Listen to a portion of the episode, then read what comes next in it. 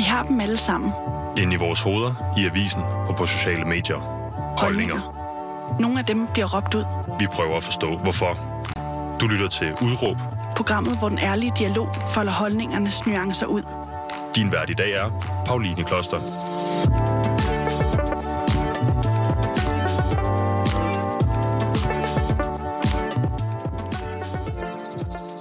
Velkommen til programmet til dig, der lytter med derude. I dag skal du høre et program om knogler, døde dyr, goth, mørke, og det ikke at passe ind. Fordi det er øh, Copenhagen Docs, det, det var premiere på det i onsdags, Københavns Dokumentarfilmsfestival, og hen over de næste par uger, der har vi på udråb en række programmer, som netop tager afsæt i nogle af de film, som har været på Copenhagen Docs. I dag er filmen, der er øh, i fokus, det er den, der hedder øh, Klub Kranium af instruktøren Frigge Fri, som har premiere i morgen. Med i den dokumentar, der er du, Josefine Mose, som er min gæst i dagens program af Udråb. Velkommen til. Tak skal du have. Hvordan har du det med at være her? Jeg har det super godt. det er virkelig spændende, at det hele går i gang nu. Det hele går i gang nu, fordi du er hovedkarakteren i den film, der hedder Klub Kranium. Og vil du ikke lige prøve at fortælle, øh, hvordan skal du se filmen i morgen, når den har premiere? Jamen, øh, jeg skal se den sammen med alle de medvirkende, og Frikke Fri, og øh, en, der hedder Mathilde, som er, øh, hvad hedder det, director. Og ja, vi skal ud og spise i morgen. vi skal ud og spise i morgen og fejre det. Ja, du skal så meget fejre det. Øh, og du har ikke... Ja, der kommer lige en her og kigger på den. Øh, du har ikke øh, set den hele, det færdige resultat tidligere. Ja. Øh, hvordan har processen været at være med i, i, øh, i den film? Jamen, det har faktisk været virkelig godt. Øh, jeg har følt, at mig og Frikke ligesom har lavet en film sammen på en eller anden måde. Øh, vi har ligesom leget os igennem det hele, hvis man kan sige det sådan. Hvordan det? Jamen, altså, Frikke har bare øh, været en flue på væggen, føler jeg. Mm. Altså... Fordi der, der er jo meget af, af dit liv, der også bliver portrætteret i denne her film, og øh, dit liv for det her goth-miljø, som du er blevet en del af, og den proces kommer vi også ind på i dagens program, ikke? Men øh, øh, er der noget, du er nervøs for? Mm. Nej, det vil jeg ikke sige. Jeg igennem hele min sådan, karriere i goth, hvis man kan kalde det det, har jeg ligesom oplevet alt det, man nu kan prøve. Altså, jeg har hørt alle kommentarerne, og ja, alle de forskellige reaktioner har jeg også oplevet på, hvordan det er at være goth, og hvordan folk ser det. Og øh, det, er jo, det er jo sjovt at skulle tale om det her goth-miljø, fordi når man ser dig nu, så står det meget i kontrast til den måde, du fremstår på i filmen, hvor du har en stor næsepiercing og sådan meget fremtrædende, og du er øh, øh, pinkparykker, du skifter hele tiden, rigtig meget makeup. og øh, hvordan kan det være, at du ser øh, helt anderledes ud i dag, og vil du ikke lige prøve at beskrive, hvordan du, du ser ud? Jo, altså øh, lige nu har jeg sådan langt brunt hår, normalt farvet brunt hår, og jeg har ingen piercinger og øjenbryn og mascara og alle de der gode, normale ting. øhm, men altså, jeg vil sige, at i filmen ændrer jeg mig også meget. Altså, der er ikke en eneste scene, hvor at jeg er den samme. Altså, ikke den samme peruk, ikke den samme makeup. Altså, det skifter hele tiden. Og det er også sådan, jeg har været i min tid som goth. Altså, jeg har aldrig lavet mig begrænse af det der klassiske gothic look, der er. Altså, jeg har ligesom haft alle mulige ting. Mm. Prøvet alt muligt. Vi skal snakke øh, ud fra dit udråb i dag, og øh, vil du ikke prøve at fortælle, hvad det er? Jo, mit udråb er, at du ikke skal lade dig begrænse af kasser. Og hvad du mere på et generelt plan mener om det, det vender vi tilbage til senere i programmet. Men øh, først er det jo nødvendigt lige at, at få dig på plads, ikke? så vi får, får en feeling øh, med, med, hvem du er. Du er opvokset i en lille bitte jysk by. Vil du ikke lige prøve at, at sætte scenen og lige beskrive for mig, hvordan, hvordan er rammerne for, øh, for din opvækst? Ja, men altså, jeg er vokset op i en by, der hedder Fjertslev, som ligger øh, midt imellem Aalborg og Tisted. Så det ligger ligesom sådan meget ødet og for sig selv. Og øhm, jeg ved ikke præcis, hvor mange indbyggere der er, men der er ikke så mange i hvert fald. Og øhm, ja, vi har de her små landsbyskoler, og så har vi en stor skole, som ligger i Fjerdslev, hvor jeg får lige at vide, at der er 3.300 mennesker. Ja, det er ikke meget. Nej, det er godt nok ikke meget. og jeg kan forestille mig, at det har været vildt at, at opvokse i sådan et lille sted, og står meget i kontrast til, hvor jeg er opvokset. Øh, hvordan har du oplevet det? Jamen, øh, jeg har jo oplevet det ved, at ligesom ikke at passe ind på en eller anden måde. Altså, der var meget en sort-hvid balance mellem at være en del af den sportslige gruppe, og ikke være en del af det. Så altså, jeg har... Jeg vil ikke sige, at jeg sådan har mærket det, fordi meget af tiden, hvor jeg har boet i Fjertslev, har jeg jo været et barn. Så jeg har ikke været så opmærksom på alle de der grupperinger, og hvor lille det egentlig var, før jeg måske blev teenager, hvor jeg ligesom indså, jamen, der er ikke særlig mange mennesker her, og folk er meget ens her også. Og hvordan går det op for dig? Fordi det må da, altså det, det, det, kunne sikkert, det har sikkert været naturligt for mange af dem, der har boet der på en eller anden måde, bare at prøve at passe ind. Øhm, gjorde du også det i en øhm, Ja, det vil jeg sige. Altså, jeg har gået til håndbold i de helt små klasser, men jeg har aldrig været en sportspige, så jeg, jeg udforskede det, ligesom jeg gik en sæson og prøvede at se, om det var noget for mig, men det fandt jeg ret hurtigt ud af, at det ikke var. Og ja, som barn og som ung teenager har jeg også gået i ganske normalt tøj og været lyshåret og været altså, blendet ind. Mm. Øhm, så ja, jeg har da prøvet at passe ind. Øhm, det tror jeg, at alle vil gøre, at især når det er sådan et lille community, hvis man kan sige det, det at man ligesom prøver at være en del af det.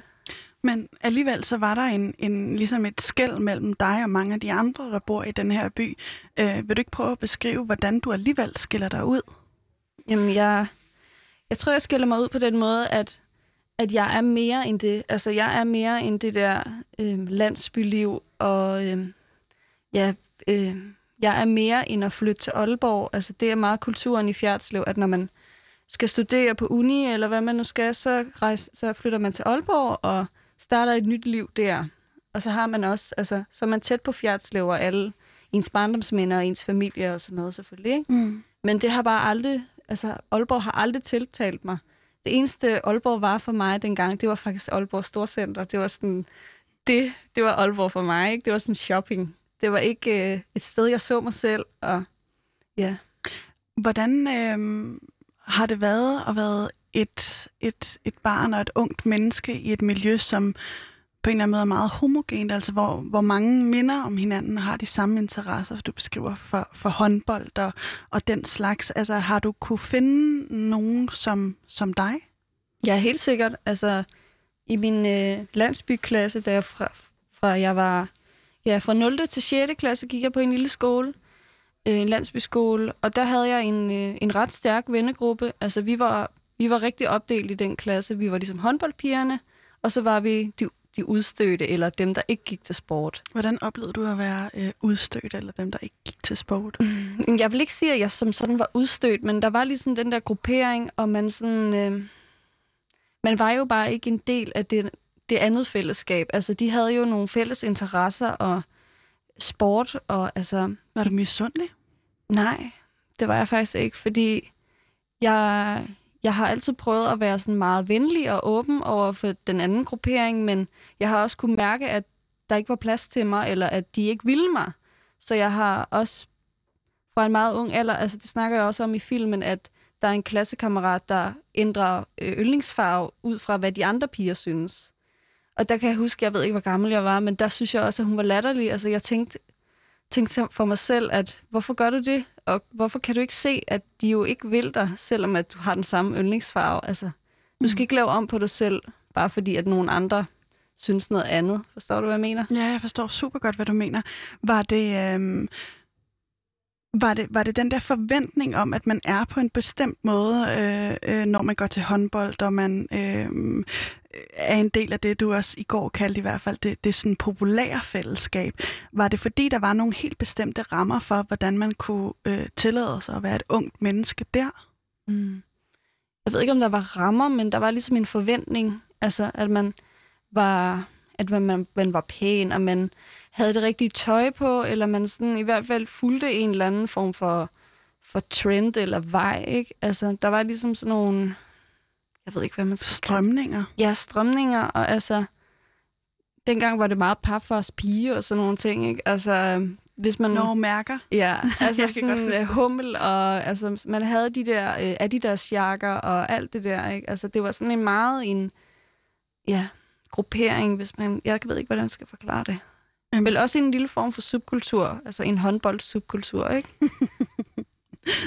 Og hvordan, øh, hvordan havde du det med, at der var de der forventninger til, øh, øh, hvordan man skulle passe ind, når du ikke følte, du gjorde det?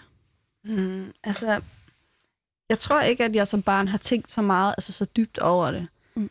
Men jeg har jo været bevidst om det, og jeg, jeg synes, det var nederen, fordi at der var faktisk en af håndboldpigerne, som jeg kunne rigtig godt med. Altså, vi kørte øh, en time i bus hver morgen sammen, og vi snakkede bare derudad, og selvom at vi var fra to forskellige grupper, så havde vi det bare, altså, vi klingede virkelig, og det var jeg da også sikker på, at jeg kunne med de andre piger, altså, Kunne du det? Nej, altså, det, måske, men jeg har aldrig, jeg har aldrig fået chancen, føler jeg, for mm. at klinge med dem. Fordi det ligesom bare var opdelt fra start af. Har det generet dig? Øhm, jeg har, det har generet mig, fordi at jeg følte, at de gik glip af noget. Altså, at, at jeg selvfølgelig også har nogle gode kvaliteter og nogle gode historier at fortælle, og at vi sikkert kunne have det vildt sjovt sammen, men det får vi jo bare ikke, fordi man ikke giver det en chance. De har dømt dig ude på forhånd på en eller anden måde. Ja, det tror jeg. Øhm, der er på et, Helena, jeg bliver også lige nysgerrig på, sådan, man ser i filmen øh, det hjem, du også er opvokset i, som er et meget lyst hjem, Ja. øh, som på en eller anden måde står i kontrast til, til det mørke, du øh, senere i dit liv i hvert fald, øh, som teenager begynder at komme ind i, altså det her meget go- øh, goth-miljø, ikke? Mm. Øh, som, hvor død og fokus, eller nej, undskyld, hvor død og, og, og dyreknogler og sådan noget bliver en central del af din hverdag. Mm. Øhm, hvordan var det at vokse op i, i, i, det, i det sådan meget lyst hjem? Mm. Jamen, jeg har... Altså, min mor går vildt meget op i indretning og kælervaser og alle de der klassiske ting, ikke? Altså, jeg er vokset op i et meget klassisk hjem. Øh, indretning og altså, hvad vi fik at spise, der var ikke noget fancy over det.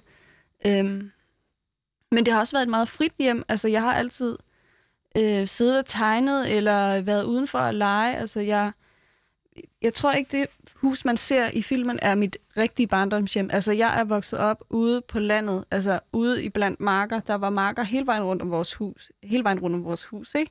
Og altså traktorer og gylde og alle de der ting, ikke? Så altså, jeg føler, jeg har haft en virkelig god barndom. Altså frit, og selvfølgelig var der hvide vægge, men det går børn jo ikke op i, altså Mm-hmm hvad for nogle vægge der er. Eller Så der var, der var plads, og der der var virkelig plads, et, et ja. rummeligt hjem også til at, at definere, hvem du er. Ja. Øhm, hvor, hvor, hvornår blev det tydeligt for dig, at du ligesom ikke passede ind i det der sådan klassiske håndboldmiljø? Det tror jeg, altså... Jeg tror altid, jeg har vidst det, men jeg, det gik vel, vel først op for mig, da jeg kom i 7. klasse på Fjerdslev skole, hvor vi øh, ja, øh, blev øh, fire klassetrin, eller fire, fire klasser i hvert trin.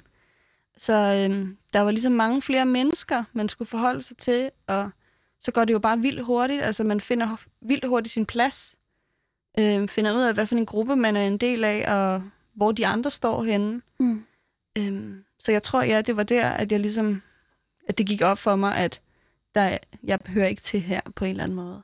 Og hvor hørte du til? Ja, det ved jeg ikke. Øhm, I hvert fald ikke i Fjerdslev. Altså, jeg har altid drømt om at flytte væk fra Fjerdslev. Øhm, jeg ved ikke, hvor det skulle være. En, en by, et stort sted. Noget, der var større i hvert fald. Det har jeg altid drømt om. Altså. Øh, på et tidspunkt finder du en, en kæreste, som øh, inspirerer dig til at blive goth. Vil du ikke lige prøve at sætte mig ind i, hvordan, hvordan møder du ham, og hvad er det, du er fascineret af ved, ved ham? Jamen, øh, jeg starter på Fjerdslev skole, og så var der sådan nogle øh, ja, klasseværelser, og så var der sådan nogle øh, glasvinduer ind til klasseværelserne, så man ligesom kunne se, hvad der skete derinde. Og så sad han allerbagerst lige ud for det vindue, og så så jeg ham bare, og han havde, altså han lignede noget for en film. Han havde langt sort hår og læderhandsker og ulve-t-shirt og kæmpe nitterbukser. Og altså, jeg havde aldrig set noget lignende, og jeg, altså, jeg faldt for ham fra, fra det sekund, jeg så ham. Jeg blev helt opslugt af det. Hvad, var det nitterne, eller hvad gjorde det for dig? Ja, jeg tror, det var det, at han var så anderledes. Altså, jeg havde aldrig nogensinde set nogen, der så sådan ud før. Og man kunne jo ikke undgå at se ham, så det var jo bare, altså, Love at first sight. ja, i hvert fald fra min side. Ikke for hans. jeg ved det ikke. Men I bliver kærester, og, Ja. det bliver ligesom din vej ind til det her goth-miljø. Ja. Vil du ikke allerførst lige prøve at beskrive, øh, hvad vil det egentlig sige at være goth? Altså, jeg tror ikke, der er sådan, er nogle, er nogle helt klare regler. Det er der ikke. Men altså, det går rigtig meget ud på at lytte til musikken. Og ligesom, og, øh, og hvad er det for noget? jamen, altså, det er 80'er øh, punk, øh, new wave og alle de der ting. Altså, Depeche Mode og Sisters of Mercy og alle de der sådan lidt øh, spooky øh, musik, elektronisk musik også især. Og hvad ellers er karakteriseret ved det at være goth? Jamen, altså, hele æstetikken, altså, det er jo både inden for indretning og udsmykning af sig selv, og altså, virkelig mange ting. Og hvordan kan man se det? Jamen, altså, de sådan basale træk er jo sådan sortklædt, og enten sort eller mørkt hår, og så, øh, ja, sådan lidt frygtindgydende makeup måske, eller i hvert fald dramatisk makeup. Og så, ja, man er, man er sådan lidt Halloween-agtigt. Lidt Halloween-agtigt. Er der, øhm, det, du begynder så stille og roligt at blive mere og mere goth. Hvordan Mm. er den proces for dig? Jamen, det starter, starter ud i de helt små ting, altså sådan at gå med eyeliner, eller ja, øh, få sådan noget lidt øh, stort pandehår, som sådan dækker ansigtet. Altså, jeg startede faktisk ud med at være emo. Det er sådan, det, der er mange, der starter ud med at være i emo-stadiet først, og så går man ligesom, bliver man mere og mere ekstrem på en eller anden måde, og så går man over og bliver goth. Altså, Hvad er skældet mellem de to? Øh, sådan, hvad Jamen altså, emo er faktisk en kultur for sig selv. Det, er også, det handler også rigtig meget om musik og æstetik, men det er ligesom lidt mere øh, teenage-agtigt. Altså sådan øh, rigtig riot-musik, og sådan, du ved, at man er sur på sine forældre, og at man måske også er lidt deprimeret. Altså, og ja, Var det ting, der gjorde sig gældende for dig også? Nej, altså, jeg tror mere, at jeg var sur over, at, at jeg ikke at jeg var født i Fjerdslev. Altså, hvor, jeg passer ikke ind her, jeg vil væk, men jeg kan jo ikke komme væk. Jeg er 14 år, ikke? Altså, jeg kan ikke gøre noget. Jeg kan ikke sige til min mor, at jeg vil ikke bo i Fjerdslev. Det kan jeg jo ikke. Mm-hmm. Så, du, så du begynder bare at klæde dig øh, efter, efter det, det øh, mood og det forbillede, kan man ligesom sige, med, med, med meget øh, mørke. Var det grænseoverskridende ligesom at lave den der overgang? Nej, det synes jeg ikke. Altså, øhm, det var jo en sådan meget øh, stille overgang, eller sådan, så gik jeg med eyeliner, eller købte nogle hår-extensions, så jeg kunne lave om på mit hår, eller så begyndte jeg at farve mit hår. Altså, jeg tror mest, det var der, jeg begyndte at farve mit hår, at det virkelig sådan blev et statement. Også fordi, at der er jo ikke nogen, der har farvet hår i Fjerdslev, altså blåt hår. Øhm, så ja, jeg tror, det startede, jeg tror, det startede ud med det. Øhm, og ja, så gik jeg, begyndte jeg at shoppe på nettet, og altså finde alle mulige forskellige æstetikker, og ja, begyndte at købe, al- købe sort tøj. Altså, Da det bliver et statement for dig, øh, kan du mærke på dine omgivelser, at de reagerer på, øh, at du, du, du skifter stil? helt sikkert. Hvordan? Altså, øh, jeg vil sige, at i, i starten er jeg ikke en del af fællesskabet, men i det, at jeg ligesom udforsker goth og bliver mere og mere ekstrem, så skubber jeg også mine omgivelser længere væk. Altså, folk gider ikke at snakke med mig, eller sådan ignorerer mig. Øhm, og altså, da jeg startede på skolen, hvor jeg var helt normal, der var der faktisk rigtig mange, der var interesseret i mig. Altså, de synes, jeg var flot, og de ville gerne have mig med hjem. Men det var jo ligesom slut nu, ikke? Altså, Var det det? ja, øhm, ja, folk synes nærmest, at jeg var klam, eller det, det ved jeg ikke, om de synes, men det var i hvert fald, jeg var ikke lækker mere. Så ja, Hvordan havde du det med det? jamen, jeg havde det faktisk, jeg, jeg synes, det var fint, fordi jeg følte, at det var dem, der gik glip af noget. Altså, jeg var jo alligevel udstødt. Altså, fra håndbold, øh, de små klasser i håndboldtiden, der var jeg jo også udstødt. Så det at være goth, det tror jeg ikke gør så stor forskel for mig, fordi jeg alligevel ikke var en del af det der populære hold til at starte med. Jeg forestiller mig, at når man øh, opvokser i Fjenslev, at der må være øhm, få mennesker, som ser ud som dig. Alligevel lykkedes det dig at komme ind i kulturen. Hvordan, øh, hvordan formår du at gøre det? Altså i goth-kulturen? Ja, præcis. Ja, men, altså jeg brugte jo nettet rigtig meget. Der er jo ikke noget kult- goth-kultur i Fjerdslev. Altså, hvis man skal have noget goth-kultur, så skal man til Aalborg, og der er ikke særlig mange.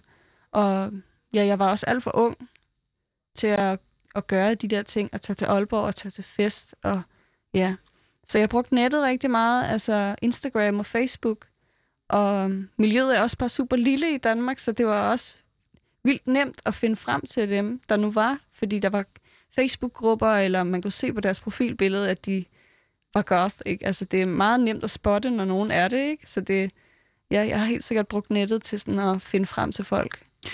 Har du så bare skrevet til dem, eller ud af det blå, eller hvordan, hvordan får man arrangeret rent faktisk at blive venner med de mennesker, man så støder på på nettet? Jamen, øh, jeg har faktisk ikke, jeg har ikke været en del af kulturen på den måde, fordi jeg jo boet i Jylland, og jeg kunne jo ikke bare tage til Aalborg eller til København og være til Gothfest. Altså, jeg har siddet meget på sidelinjen, føler jeg, men det har også været okay, fordi jeg har også haft masser af ting at lave i Fjerdslev. Altså, jeg havde en masse gode venner i Fjerdslev, så det var jo ikke fordi, at jeg, jeg sådan manglede selskab, hvis man kan sige det sådan. Men du får jo alligevel nogle venner, det ser man i hvert fald i Ja. Klub Granium-filmen, ikke? Ja. Øhm, hvordan får du de venner?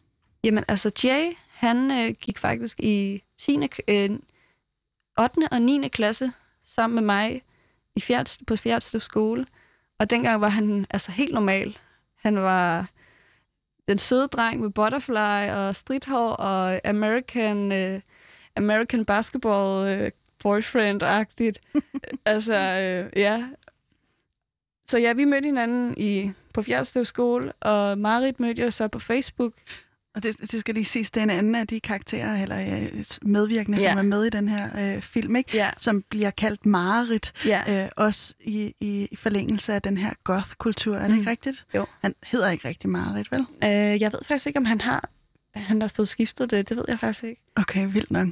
Øhm, og I, I bliver så venner, og, mm. Og, og det, der ligesom er meget synligt, når man ser filmen, øh, det er netop det der mørke. Tror, Mm.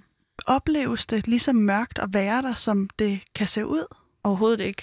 Altså, vi har jo en, en fest. Altså, vi hygger os, og vi, vi tager jo også make af, altså, og sidder og bare og snakker og ryger nogle cigaretter og hygger os. Altså, vi, vi er ikke ekstreme hele tiden. Mhm. Og, altså, og man kan også godt bare sidde og se noget forsidefruerne, eller lave et eller andet. Altså, man behøver, det er ikke sådan, vi sidder ikke og skærer i kranier hele tiden, og Nej, og nu ser du hele tiden, fordi det, det forekommer faktisk, at de skærer i kranier. Vil du ikke lige prøve at beskrive, hvad, hvad, hvad er det for noget med de her øh, øh, knogler? Jamen, altså, for mig er det virkelig sådan en fascination af, hvordan kroppen, eller forskellige kroppe er. Altså, jeg synes, at mange af de indre organer er virkelig smukke. Altså, farverne og teksturerne og de forskellige, altså, bølgerne på et halsrør. Altså, hvordan det bare er så smukt, og øhm, hvordan at kroppen hænger sammen. Altså, jeg kan jo ikke åbne min egen krop og se, hvordan den ser ud, så jeg har ligesom brugt de her roadkills til at... Som er dyr, der er blevet slået ihjel? Ja, altså jeg, vi har ikke slået nogen ihjel eller noget. Øhm, det er alt sammen er fundet. Men ja, det har, jeg har, tror, jeg har brugt det som sådan en... Altså, udforske. Jeg, jeg elsker at udforske forskellige ting. Og altså, der er vildt mange roadkills i Fjerdslev, fordi det jo bare er Lars Tønskeds mark, ikke? Så der er jo masser af dyr.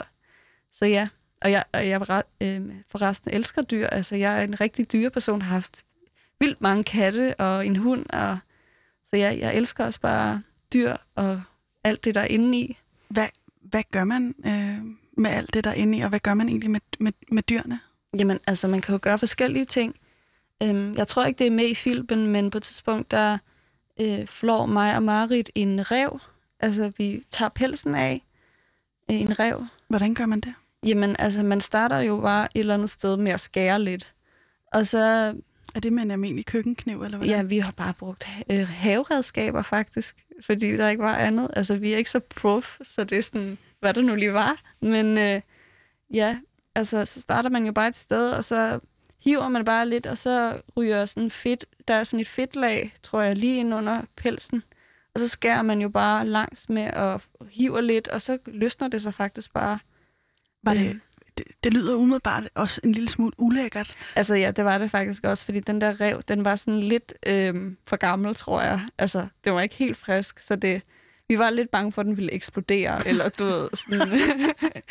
ja, Gjorde den det så? nej, det gjorde den ikke. Vi var meget forsigtige, Okay. men ja. Men, men så har du ligesom skinnet, og hvad så? Altså, hvad Jamen, sker der så med det? Altså, det, jeg tror for os var det lige så meget det at gøre det, altså at eksperimentere og undersøge de her dyr, og sådan finde ud af, jamen, hvordan hænger alting sammen. Øhm, og så kan man jo selvfølgelig konservere tingene og beholde dem. Og, Hvad vil det sige?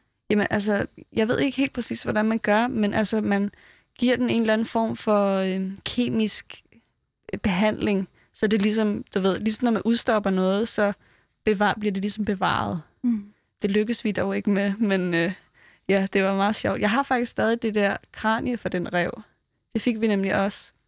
Okay, så, så, det, så du så du hvad? Hvordan får du det der kranie? Altså, det er jeg mega nysgerrig på, fordi den sidder, efter I har afskinnet den. Hvad så? Jamen altså, så... Jeg tror kun vi fik... Jeg tror, vi gik efter skinnet, og så gik vi efter kraniet. Øhm, men ja, så er det jo på en eller anden måde at få det der hoved af. Altså, Hvordan gør man det?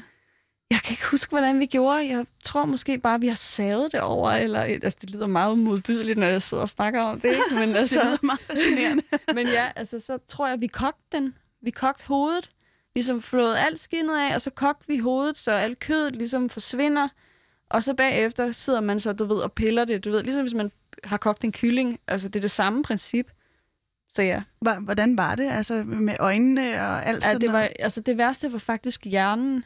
Fordi den var sådan rigtig mushy, sådan blævret, og det synes jeg virkelig var klamt. Altså, det er ikke, jeg skal ikke sidde her og spille sej. Jeg synes virkelig, det var ulækkert med den der hjerne der. Altså, puha.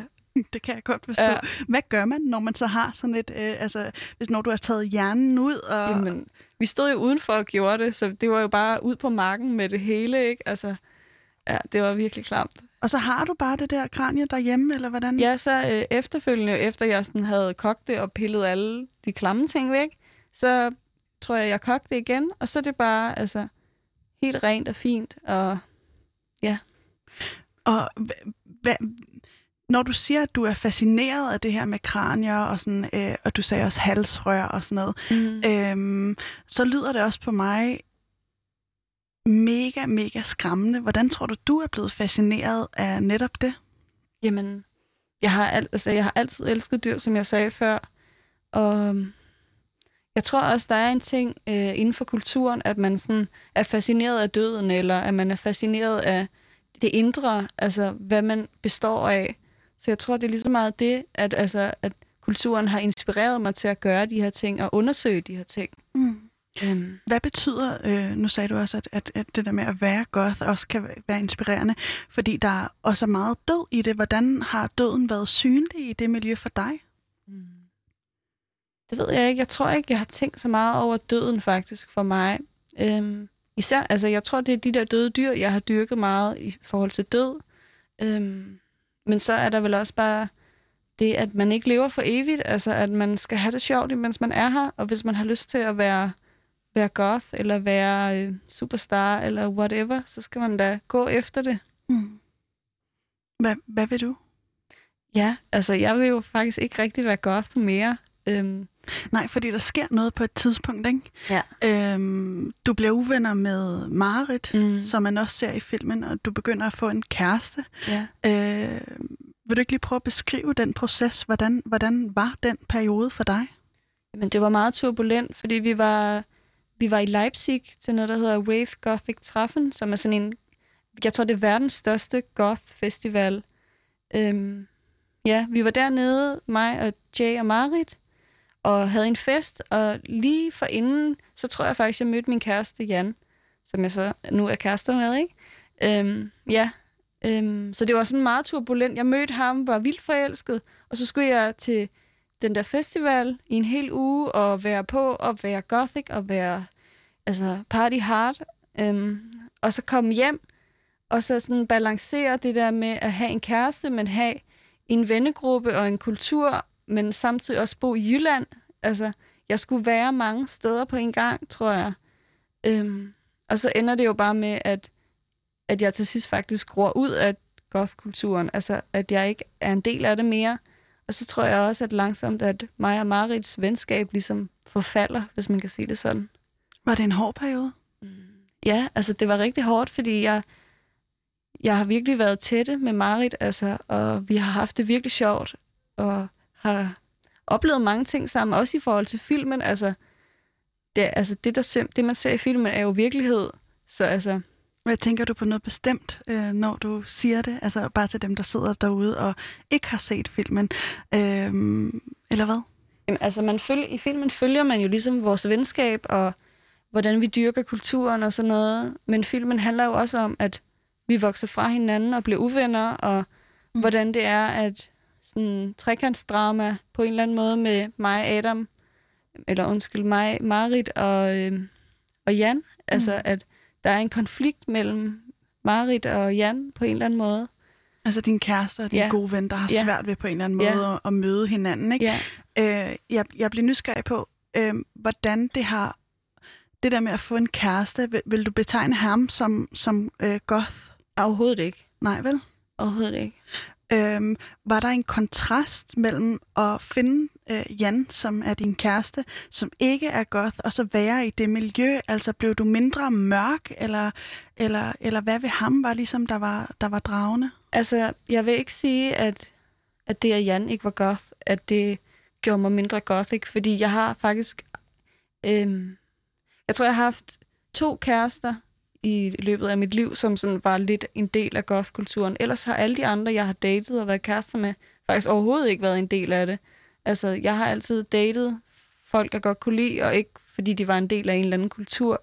Mm. Så altså, for mig var det ikke... Jeg var meget vant til at date folk, der ikke er en del af det. Øhm, så nej, jeg tror ikke, at Jan, mig og Jans forhold har påvirket min, min del i kulturen. Jeg tror lige så meget, at det er mig, der sådan er blevet ældre og er blevet... Altså, jeg er flyttet hjemmefra, jeg er blevet voksen, rigtig voksen, ikke? Og, altså, det er en vild proces. ja. Men der er også et eller andet med de der rammer øh, i goth-kulturen, som pludselig begynder at, at ikke passe øh, på dig, fordi du på en eller anden måde havde det sådan, at der var for snævre rammer for, hvordan man skulle være. Er det ikke rigtigt forstået? Jo, altså... øhm, Ja, altså jeg har jo altid eksperimenteret meget, lige meget hvor jeg var, og lige meget hvad for en subkultur eller kultur jeg var del af. Men jeg tror ligesom, for mig, der fandt jeg ud af, i takt med, at, at jeg blev ældre, og at jeg fik nogle andre interesser, at der måske heller ikke var så meget plads til mig i gothkulturen alligevel. Fordi der er de der sådan, normer eller forventninger på en eller anden måde til, hvordan man er, eller hvad, man, hvad for nogle interesser man har. Og jeg, altså, jeg elsker stadigvæk musikken og æstetikken, men der er bare en eller anden sådan, forventning om, at man skal dyrke det hele tiden, eller man sådan, virkelig skal ja, være en del af det, for at være en del af det. Altså, mm. Hvordan mærkede du, du øh, at du ligesom var vokset ud af, af, af den, øh, hvad skal man sige, kasse på en eller anden måde? Ikke? Mm. Mm, Jeg tror bare, at jeg, jeg opdagede, at jeg, var, at jeg er mere end goth. Altså, jeg kan gøre lige, hvad jeg har lyst til. Jeg kan, altså, selvfølgelig kan jeg gå i goth-tøj. Jeg kan have vild makeup eller tage min piercing i igen i næsen. Øhm, men jeg kan også være, som jeg er nu. Altså, være naturlig og være... Altså, jeg kan også være Britney Spears, hvis jeg har lyst til det. Altså, være, være lige, hvad jeg har lyst til. Mm. Hvordan, øhm, jeg tænker bare stadig på de der, var der, var der et eller andet specifikt ved det, og var det det der med, at det, at det på en eller anden måde var forventet, at man skulle dyrke det hele tiden, eller hvor kunne du mærke, at øh, okay, det her, det bliver sgu for, for ensformet, eller sådan, øh, ja, hvad, hvad er det, du oplever, da du ligesom øh, beslutter dig for ikke kun at være goth? Jamen, det er vel også... Jeg tror, det er fordi, at jeg jo på en eller anden måde heller ikke har passet ind i goth, fordi jeg har jo aldrig øh, set ud, som man skal gøre, eller lyttet, kun lyttet til goth-musik. Altså, jeg har lyttet til alt mulig musik. Jeg kan lide alt slags musik, og det har jeg altid kunne. Så jeg tror bare, at jeg måske fandt ud af, at jeg var groet, jeg var blevet for stor til den kasse, altså, Mm. og at jeg måske altid har været for stor til den kasse. Mm. Øhm, og jeg tror også, at da jeg mødte ham, min første kæreste, som var goth. Altså, det at være goth, brugte jeg ligesom som en udvej for at komme væk fra Fjerdslev. Og nu er jeg væk fra Fjerdslev. Jeg behøver ikke at bruge goth som en eller anden øh, vej væk. Altså, Hvordan var goth en, en, en vej væk? Jamen, altså, hvis jeg, når jeg sad på mit værelse og eksperimenterede med makeup og hår og outfits og hørte det dystre musik, altså, så kunne jeg være, hvor end jeg ville i verden. Jeg sad ikke i Fjerdslev, når jeg sad inde på mit værelse. Jeg kunne være i New York eller Tokyo eller i London, altså. Og jeg kunne sidde og skrive med alle dem, der nu var, altså. Have, ja, sådan være i kontakt med kulturen, og sådan, det var bare et sådan escape fra Fjerdslev, føler jeg. Mm. Jeg tænker, at det også kan være ret ensomt at bryde med en, en kultur, man har været en del af. Øhm, og samtidig med, at du bryder med den, flytter du ligesom til København, øh, til Høj Gladsaxe, hvor du stadig bor med, mm. med din kæreste, Jan. Øhm, har, det, har du oplevet det som ensomt? Altså, jeg vil faktisk være ærlig og sige, at jeg har faktisk ikke så mange venner her i København. Altså, mange af mine venner, der bor her, eller de venner, jeg nu havde, de bor faktisk herovre, men ja, i det, at jeg ikke er en del af kulturen mere, og sådan, ja, så er de ligesom skyllet væk. Mm. Øhm, men jeg føler mig ikke ensom, og jeg har faktisk heller ikke følt det ens, at jeg var ensom på noget tidspunkt, fordi jeg ligesom tror på mig selv og, og ved, at, at der er nogen derude, der, der vil mig, og at bare fordi jeg ikke er en del af goth-miljøet mere, så er jeg ikke trist og deprimeret. Altså, jeg kan gå ud i lige, for, lige det miljø, jeg har lyst til at finde nogle venner der, hvis jeg vil, ikke? Mm. Men er det blevet, vil du sige, at det er blevet en ny øh, kasse eller identitet for dig, øh, ikke at passe ind, som du ikke gjorde det øh, i håndboldmiljøet i Fjerslev, og heller ikke gjorde det i gothmiljøet? Er det ligesom en kasse for dig at skille dig ud fra kassen? Mm. Jeg føler ikke, at jeg skiller mig ud.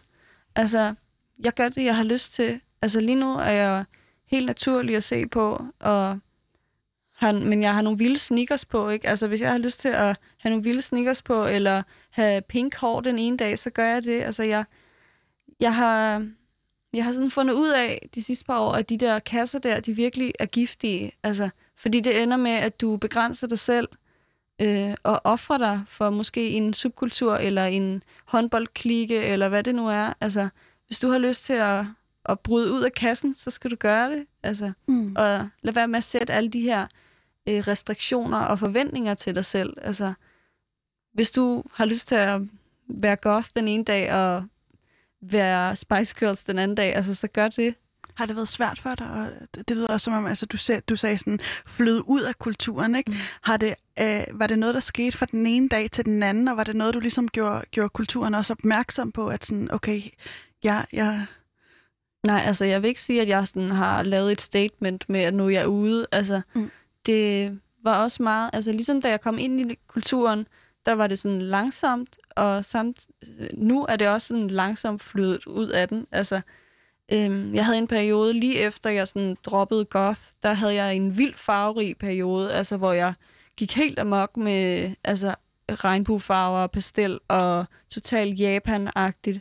Så altså, jeg, jeg tror bare, at jeg er sådan en meget eksperimenterende type, og sådan en, altså, der gør, hvad jeg vil-agtig, og ikke, lad, ikke skal så være i en kasse, fordi det er jeg bare for stor til. Mm. Der er jo mange, der på en eller anden måde bøvler med det. Jeg har også selv gjort det i, i tidligere i mit liv, på en eller anden måde at prøve at passe ind i de her kasser. Øhm, hvad, hvad tror du, det vil sige, og, og, eller hvorfor gør man det? Altså, hvorfor tror du, man gør det? Gør så meget på kompromis mellem med sig selv også, for at prøve at passe ind i en eller anden bestemt kasse?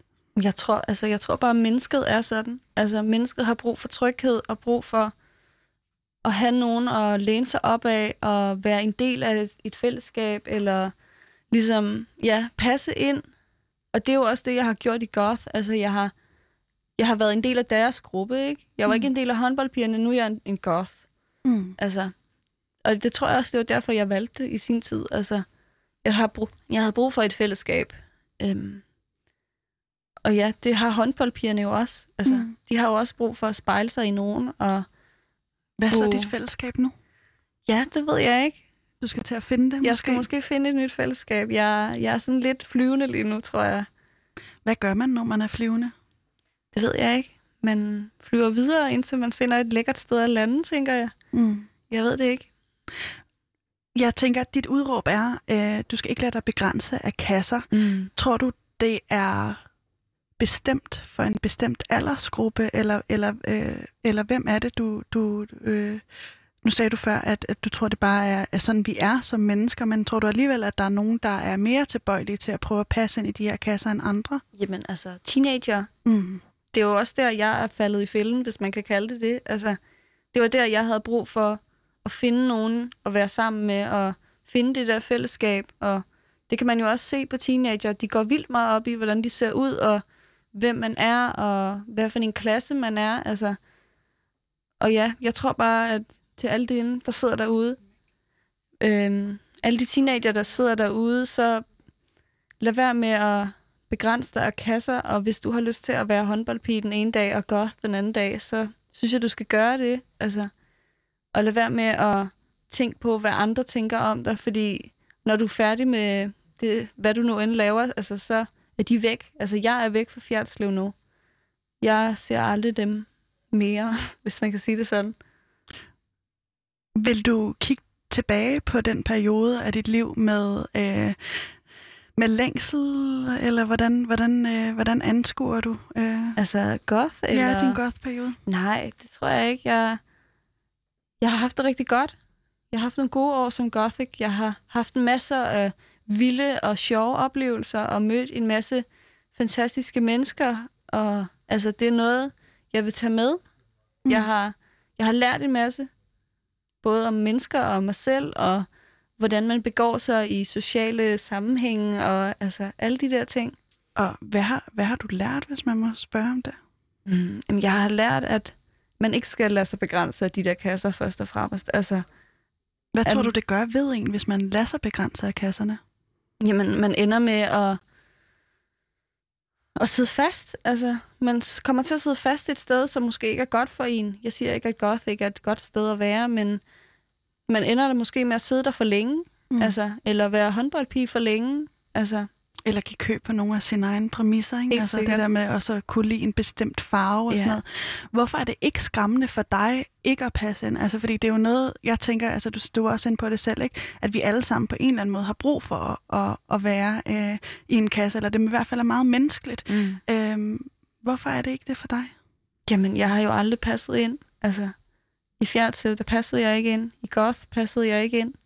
Øhm, jeg passer måske heller ikke her ind her i København. Altså, man kan jo ikke vide det.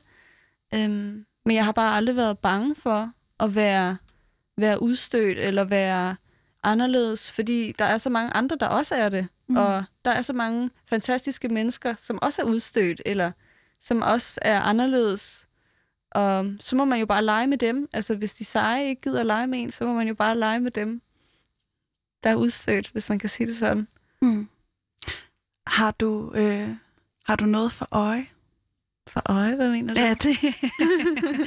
jeg tænker bare, er der, er, der, øh, er der et sted, du gerne vil hen, eller sådan, øh, er der nogen, du en fællesnævner for dem, du på en eller anden måde føler dig hjemme med? Det tror jeg ikke, jeg kan sige. Nej. Altså, jeg har faktisk en, øh, en rigtig stor tatovering på maven, hvor at der står homesick, altså hjemvej. Øh, jeg tror aldrig, at jeg finder min plads. Ikke, ikke fordi det skal lyde sørgeligt, men jeg tror ikke, der sådan er en plads til mig. Jeg tror, jeg kan være, hvor jeg vil. Og så kan jeg være der i to uger, eller være der i tre år, og så kan jeg gå videre. Altså, jeg tror ikke, at man skal sætte sig, finde en plads, og så sætte sig og blive der. Altså, det er livet simpelthen for kort til at sådan, begrænse sig selv og ens omgivelser og ens familie og venner. Altså, man skal ikke lade sig begrænse af den kasse, man nu lige er i lige nu. Altså, Mm. du kan altid gå over i en anden kasse. Eller lade være med at være i en kasse, hvis du har lyst til det.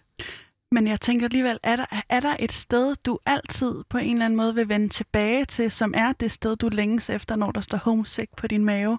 Altså, hvad er, hvad er øh, hjem for dig? Øhm, Høje Gladsaxe er mit hjem. Øhm, men altså, jeg skal da heller ikke bo i Høje Gladsaxe resten af mit liv, så jeg tror faktisk ikke, jeg kan svare på det. Jeg, jeg ved ikke, hvor jeg hører til. Øhm, men det er også okay. Altså, Hvorfor, du sagde tidligere, at det, det skal ikke være, eller det er ikke sørgeligt, eller sådan. Hvorfor er det ikke det? fordi at, at fordi jeg kan gøre, hvad jeg har lyst til. Fordi jeg kan være, hvem jeg vil. Fordi jeg er fri. Altså, jeg lader mig ikke begrænse af, at der er nogen, der siger til mig, Nå, nu skal du høre goth-musik. Altså, Mm der er ikke nogen, der skal bestemme over, hvem jeg skal være, eller hvad for en kasse jeg skal være i. Altså, ja. Loving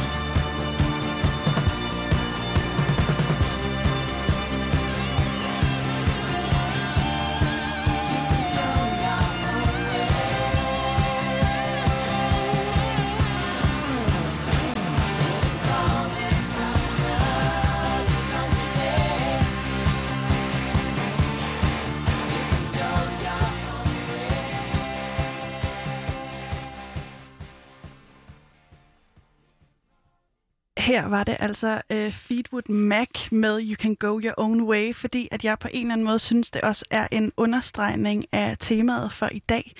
Øhm, jeg tænker, at det sidste, de sidste øh, lige omtrent 6 minutter, vi har tilbage øh, af programmet, der kan vi lige snakke om, fordi jeg tænker, du er ikke den første, som, som ikke føler, de har hørt til nogen steder. Øhm, og du er heller ikke den sidste. Overhovedet ikke. Hvordan, øh, hvordan vil du gribe an, hvis du var en, en ung kvinde, som du var, da, du, da det går op for dig, at du ikke passer ind? Hvis du var sådan en nu, hvad vil du så give af gode råd? Jamen, jeg tror, jeg har gjort alt det rigtige, faktisk. Jeg har været ligeglad. Jeg har... Har det været svært at være ligeglad? Nej, det synes jeg ikke. Altså, selvfølgelig har jeg været nederen over, at folk ikke ville mig, eller at folk ikke lukkede mig ind. Men som jeg sagde tidligere, så har jeg også vidst, at det måske var dem, der gik glip af noget, og at jeg ikke havde brug for dem, fordi jeg havde faktisk rigtig mange gode venner i folkeskolen. Mm. Og når du siger, at det var ligesom var dem, der gik glip af noget, hvad, hvad tænker du så på i den kontekst? Jamen altså, de kunne da have lært vildt meget fra mig. De kunne da have hørt en masse nyt musik. De kunne have prøvet at, altså, at maltraktere en rev, eller hvis de havde lyst til det, eller prøve noget vildt make-up, eller gøre et eller andet anderledes. Altså, jeg, jeg har masser af ting at byde på, og jeg kunne have lært dem alt muligt, og de kunne sikkert også have lært mig en masse, som jeg ikke vidste noget om. Mm. Hvad tror du, det siger om, om dem, du så har været omkring, at de ikke har været nysgerrige på, på det? Jeg tror ikke så meget, det er dem. Altså, jeg tror mere, det er stemningen, der er i Fjerdslev, eller kulturen, der er i Fjerdslev, med at man ligesom, enten er man med, eller så er man ikke med. Man er enten en del af håndbold, fodboldfællesskabet, eller så er man sådan et ingenting nærmest. Altså, der er ikke rigtig noget at lave i Fjerdslev, så det er også meget nemt at blive til dem, der laver ingenting. Altså, Og hvad vil det sige, altså i det miljø, hvor du er opvokset og laver ingenting? Jamen, det er vel bare, at man ikke går til sport. Altså, at man ikke er en del af, jeg ved ikke, hvad det hedder, TIF eller sådan noget. Øh, det sports, sportshold eller sportsforening, der er. Mm. Altså, at man, så laver man bare noget andet, og så er det bare ikke interessant. Altså, Så tilbage til de gode råd. Altså, du har, du har på en eller anden måde gjort det rigtige ved at, at tænke, at det var dem, der, der øh, gik glip af noget. Du har også accepteret din, din tilstand. Hvad, hvis man har svært ved det, hvad, hvad, hvad kan du så sige til, til dem, der har svært ved at acceptere, at de måske er alene og føler sig udenfor? Jamen altså, hvis du bor et sted som Fjerdslev, hvor folk ikke forstår dig, eller du ikke er en del af fællesskabet, så bare husk på, at der ikke er noget, der er for evigt. Altså, hvis du er 14 nu, så går der nogle år, så bliver du 18, så kan du gøre lige, hvad du har lyst til. Altså, så kan du flytte til København, ligesom jeg har gjort, eller flytte til et andet land, hvis det er det, du vil. Altså, verden er åben, og der er ikke noget, der er permanent. Altså, det kan godt, og selvfølgelig alle, alles teenageår er der svære. Der er der mange ting i teenageårene, som bare er røvsyge. Altså, det var der da også for mig. Men det hele går, bliver bedre, og du, du kommer til at møde nogle mennesker, som forstår dig. Altså, der er sindssygt mange mennesker i hele verden. Altså, hvordan kan der ikke være nogen, der ikke forstår dig? Mm. Du er ikke alene. Altså, Åh, oh, den var, den var smuk. Hvad, hvad med dig, og hvad er dine næste skridt? Altså, øhm, jeg tænker, nu nævnte du lige det der med udlandet. Kan du, kan du tænke i retning af, at Danmark og København måske bare ikke er det sted, hvor du har hjemme? Jamen, helt sikkert. Altså, jeg er meget åben. Jeg kunne da godt tænke mig at bo alle steder i verden, hvis jeg har tid til det. Altså, ja, jeg, jeg kunne rigtig godt tænke mig at bo i USA eller i London.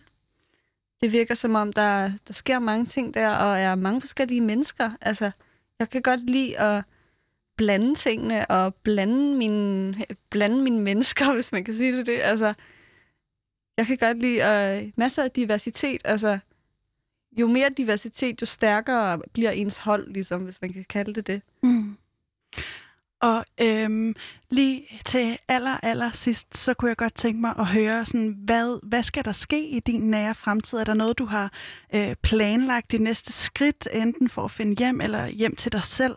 Øhm, hvad, hvad, hvad skal der ske med, med dig, Josefine, øh, Jamen, kommende tid? altså, hvis Hvad er skulle... drømme, hvis man må spørge? Ja, altså, hvis jeg skulle finde mig et hjem, så forestiller jeg mig, at det kunne være igennem uddannelse eller arbejde. Altså at finde mig et job, hvor jeg kan få lov til at være vild og udtrykke mig og være for stylist eller makeup artist eller indretningsstylist. Jeg ved ikke, hvad det hedder.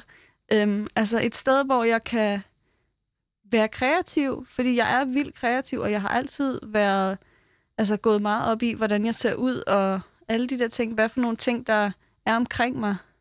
Så jeg tror, hvis jeg skulle finde et hjem, så skulle det være sådan et sted, altså et uddannelse eller job. Josefine Mose, tusind tak, fordi du var min gæst i dagens program af Udråb. Man kan altså hoppe ind på, på øh, Copenhagen Docs og finde øh, filmen Klub Kranium, som har verdenspremiere i øh, morgen. Øhm, der er også noget, noget øh, man kan snakke med dig og instruktøren øh, Frigge Fri og de andre medvirkende i filmen. Jeg hedder Pauline Kloster, min producer var Vitus Robak, produktionsselskabet er Rakkerpak Productions.